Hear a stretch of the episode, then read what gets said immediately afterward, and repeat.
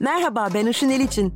Heinrich Böll Stiftung Derneği'nin katkılarıyla hazırladığım Feminist Dış Politika konulu 8 bölümlük podcast serisine hoş geldiniz.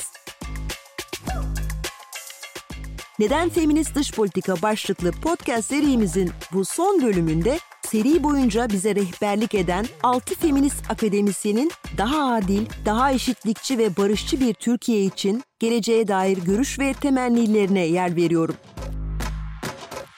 son söz yerine sırasıyla doçent doktor Zehra Yılmaz, doçent doktor Rahime Süleymanoğlu Kürüm, profesör doktor Birgül Demirtaş, profesör doktor Evren Balta, doçent doktor Sevgi Uçan Çubukçu ve profesör doktor Zuhal Yeşilurt'a kulak vereceğiz. En nihayetinde şunu aklımıza tutmalıyız. Modern uluslararası sistemin kuruluş tarihi olarak kabul edilen 1648'i eşik olarak alırsak 17. yüzyıldan bu yana hakim olan bir sistemi değiştirmeye çalışıyoruz. Bunun çok kolay olmayacağı açık. En az değişmeye mecbur olduğunun açık olduğu kadar. En nihayetinde devletlerin askeri kapasitesinin bir sınırı vardır. Bütün devletler diplomasiye ve sürdürülebilir bir barışa muhtaçtır. Bu zorunlulukta feminist dış politikayı kaçınılmaz olarak uluslararası sistemin merkezine yerleştirecektir. Bu noktada hatırlatmak istediğim de bir şey var. Yani feminist dış politikanın tüm başarısını devletler üzerinden ya da devlet yöneticileri üzerinden değerlendirmeye çalışmamız da geleneksel erkek egemen realist yaklaşım bize bıraktığı bir mirastır. Eğer dış politikayı, yapıyı değiştirmek istiyorsak biz de önce bu egemen kültürü oluşturan kavramları yeniden düşünmeliyiz. Örneğin 2016'da Berlin'de Center for Feminist Foreign Policy grubu kuruldu. Tamamen sivil bir yapılanma. En az İsveç'in feminist dış politikayı benimsemesi kadar bence önemli bir gelişmeydi bu. Çünkü dış politikada feminist perspektifin geliştirebilmesi için sivil bir baskı yaratıyor bu Berlin'de kurulan Center for Feminist Foreign Policy grubu. Öte yandan mesela 1990'larda Sovyetler dağıldığında başka ülkelere sığınmak zorunda kalan kadınlara yönelik algı ile ilgili eleştiriler sonucunda bugün Ukrayna Savaşı ertesinde kadınlar Ukraynalı kadınlarla önemli bir dayanışma ve onlara yönelik koruma ağları da kurdu. Bu da yine feminist dış politika anlayışının bir başarısı. 2000'lerin başında ABD Afganistan'a müdahale ettiğinde burkalı kadınları kurtaracağım argümanı önemli bir meşruiyet zeminiydi değil mi?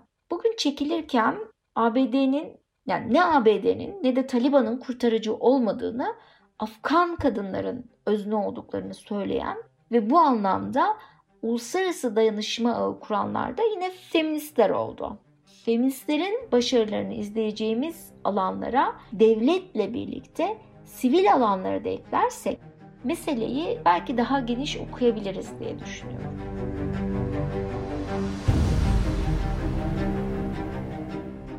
Yani feminizmi çok basit düşünmemek lazım. Yani hani kadınlar eziliyor bunları kurtaralımdan ibaret ya da işte erkekler biraz sussun kadınlar konuşsun değil. Yani daha adil bir hayat mücadelesi kadınlar da için erkekler için kız çocuklar için erkek çocuklar için herkes için. Çünkü toplumsal cinsiyet iki tarafı da eşit ilgilendiren bir durum. Mesela ben şimdi diplomaside bu kadın meselesini söyledim ama mesela erkeklerin çok daha zorlu görevlerde sürekli çalıştırılması da bir toplumsal cinsiyet eşitsizliği. Yani bir ülkede bir kadın büyükelçi varken mesela başka bir erkek büyükelçinin oraya görevlendirilmesi neden? İşte ne bileyim tehlikeli bir görev var. Yani hep tehlike erkeklerin atılması ve bunun çok normal olması da bir sorun. Yani mesela Los Angeles'a gönderilen ilk kadın Raife Gürru Gezer, başka, ilk kadın başkonsolosumuz. Ondan önce mesela hep erkek gönderilmiş. Genellikle de bekar erkek. Yani neden? Çünkü hani tehlike var orada. Yani burada kadının hayatını korumak için erkeğin erkeklerin hayatının da daha çabuk gözden çıkartılması. Yani bu da yani bu da aslında aynı eşitsizliğin yani iki tarafa da eşit aslında eşitsizlik yaratıyor bu. Yani sadece kadınlar için zorlu değil, erkekler için de zorlu bir durum yaratıyor. Aslında bunun da konuşulması gerekir.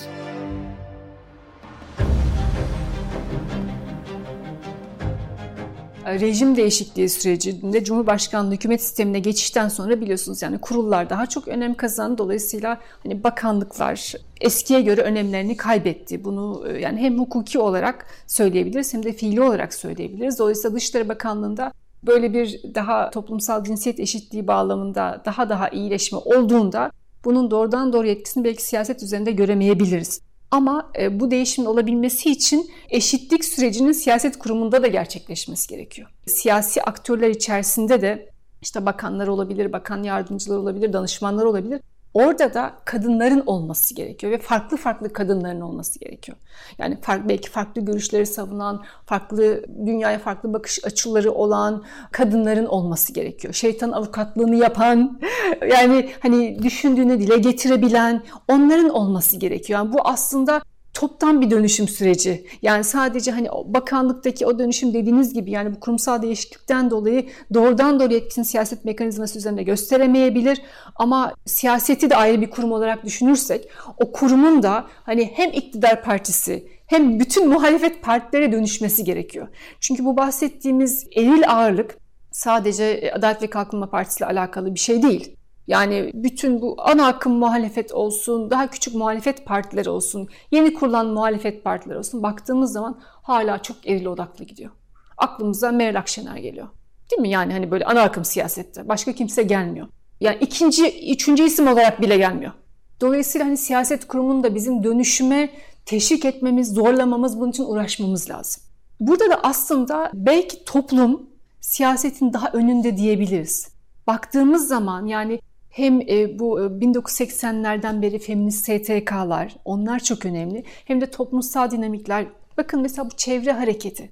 Şimdi bu kentsel dönüşümle ilgili biliyorsunuz pek çok protesto gösterileri var. Ya da işte Karadeniz'de pek çok çevre konusuyla ilgili protestolar oldu. Hep kadınlar orada ön plandaydı. Yani siyasetin toplumdaki değişime aslında ayak uydurması gerekiyor. Yani bizim hani üniversitelerimiz, üniversitelerdeki kadın erkek öğrenci oranlarına bakın.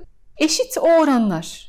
Yani hocalar bağlamında da yine şey kadınların sayıları, kadın doktor öğretim üyesi, kadın doçent, kadın profesörlerin sayıları da çok hızlı bir artış içerisinde. Ama siyaset kurumu hala çok ağırlıklı bir şekilde eril. Yani bu toplumdaki değişime siyasetin de ayak uydurması gerekiyor. Siyaset bu anlamda şey geri kalmış durumda onu söyleyebiliriz diye düşünüyorum.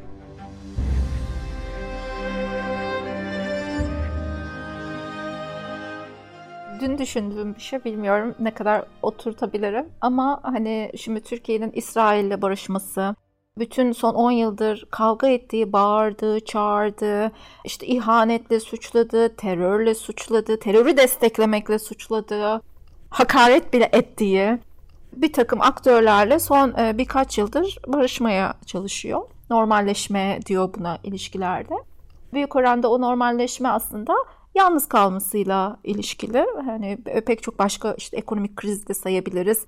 Rusya'nın Ukrayna'yı işgalini sayabiliriz. Bölgede değişen dengeleri sayabiliriz. Yani küresel ve bölgesel gelişmeler de aslında buna büyük oranda zorladı Türkiye'yi. Ama şöyle hissettim birden.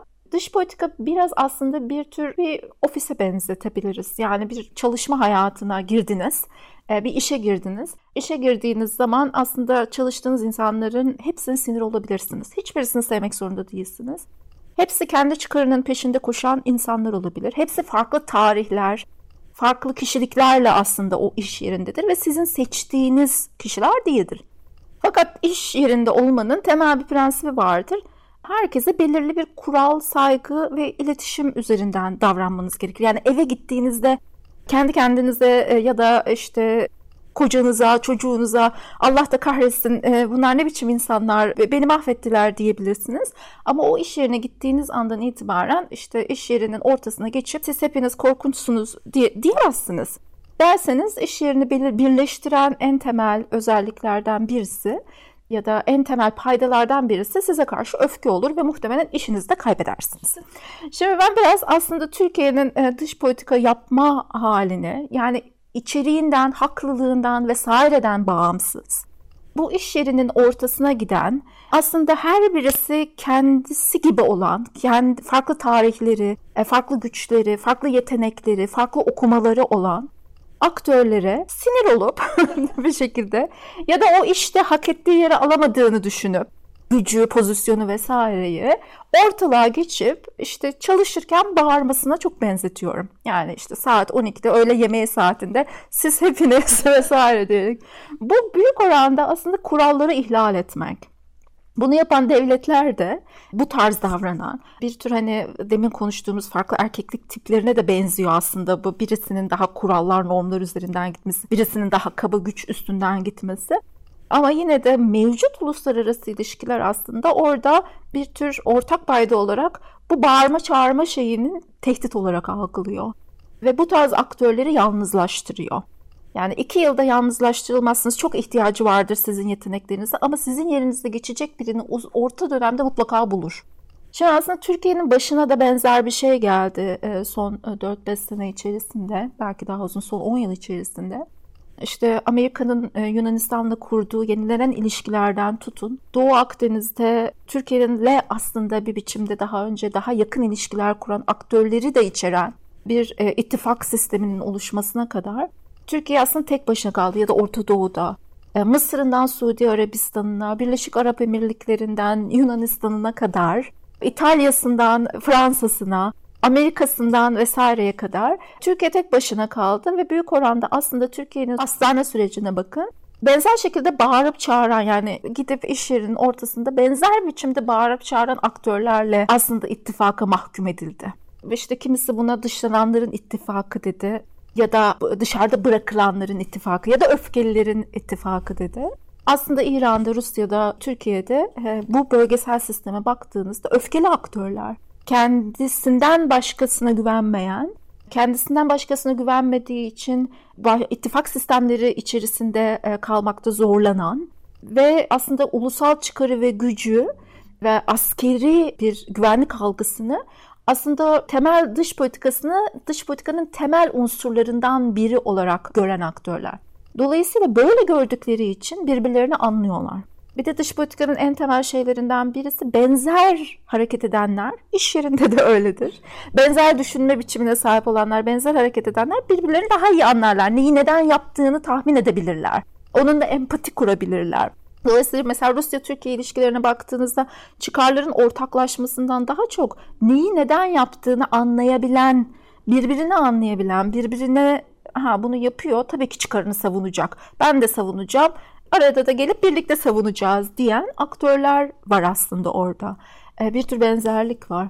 Türkiye'nin dış politikası da bence tam da böyle öfkeli bir siyasi hattın ve sanki sadece kendi evinde konuşuyormuş gibi yapılan bir dış politikanın başka aktörler tarafından büyük bir tehdit olarak algılanması.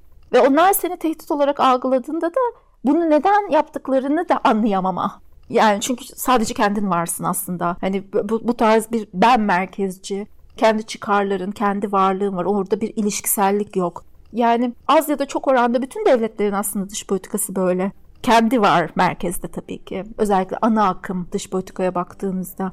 Ama işte bunun da bir yöntemi var. Biraz onun e, sınırlarının aşıldığı bir şeydi Türkiye'nin dış politikasının son 10 yılı.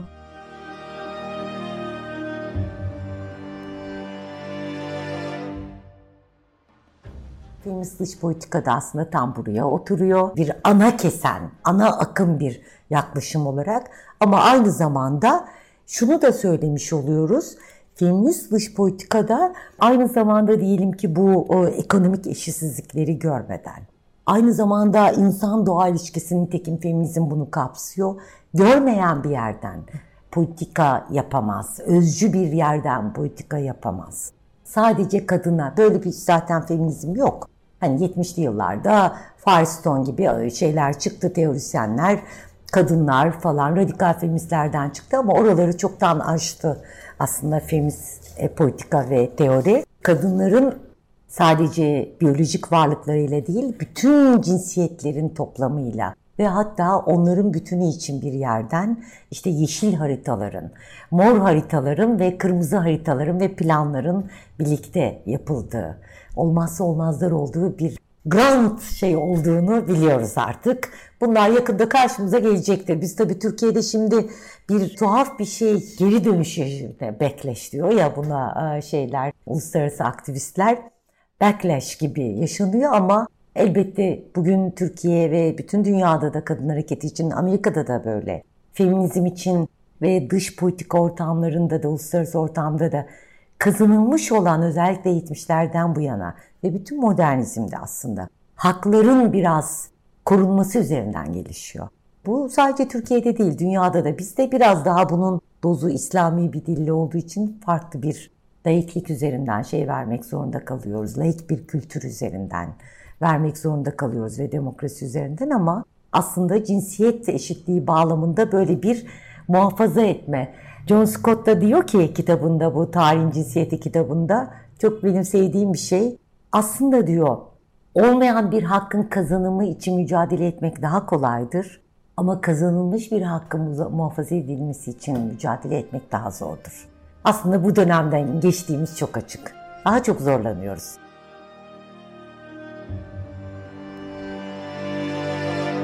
Ben biraz e, geçmişten hatta edebiyattan almak isterim konuyu, o tarafa çekmek isterim. Johann Wolfgang von Goethe'nin çok değerli bir eseri vardır, Faust e, isimli. Bu eserinde Türkçe çevirisinde der ki çok uzakta Türkiye'de kavimler birbirine girerken pazar ve tatil günlerinde savaştan ve savaş çığlıklarından söz etmekten daha iyi bir şey gelmiyor aklıma. Şimdi bu, bu beni çok etkiler, çok yaralar da aynı zamanda. Yani birileri e, huzur içinde yaşarken, kahvesini yudumlarken uzakta, çok uzakta Türkiye'de kavimler, e, halklar birbirine giriyor. Onun keyfini sürüyor bu kişiler. Şimdi bu cümleler aslında çok absürt. Yani hem şok edici hem absürt. Yani bir an dünyanın bir tarafında acı ve keder varken, savaş varken, oh bizde barış var, ne mutlu bize demek mümkün mü? Yani bu temel bir soru. İkinci kısmı da e, absürtlüğü aslında bir yerde bir savaş varken bize huzur var mı? Yani dünyanın herhangi bir yerinde acı çekilirken, savaşılırken başka bir yerde huzur ve barıştan söz etmek mümkün müdür? Diğer boyutu da uzak kavramı. Hani uzakta, çok uzakta Türkiye'de diyor. Uzak diye bir şey var mı? Yani günümüz dünyasında aslında uzak diye bir kavram kalmadı. Uzakta başlayan bir ekonomik kriz dünyayı vuruyor. Uzakta başlayan bir virüs dünyayı buluyor uzakta başlayan herhangi bir trajedi her yere sarabiliyor. Eko, ekolojik krizi düşünün.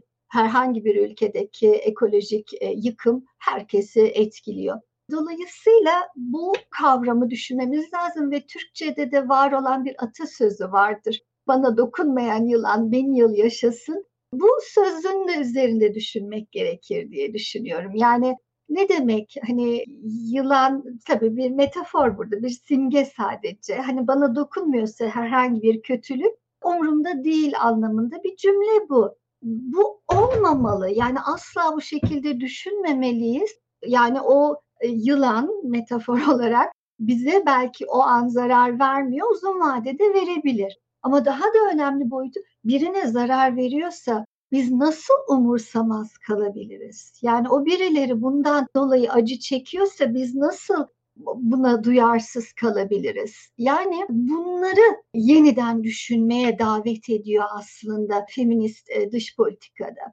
Yani çok özet olarak şunu söylemek isterim. Dünyanın herhangi bir yerindeki huzursuzluk, acı, keder, savaş, çatışma her yere yansır. Dolayısıyla barıştan bahsetmek mümkün olmaz ve herkes barış içinde yaşamadıktan sonra kimse barış içinde yaşamaz. Adaletsizliklerin ve eşitsizliklerin ortadan kaldırılması, güvenlik yaklaşımı olarak insan haklarının öncelenmesi ve yerel ve küresel çapta gücün, iktidarın yeniden dağıtılması feminist dış politika tam olarak budur. Dinlediğiniz için teşekkürler.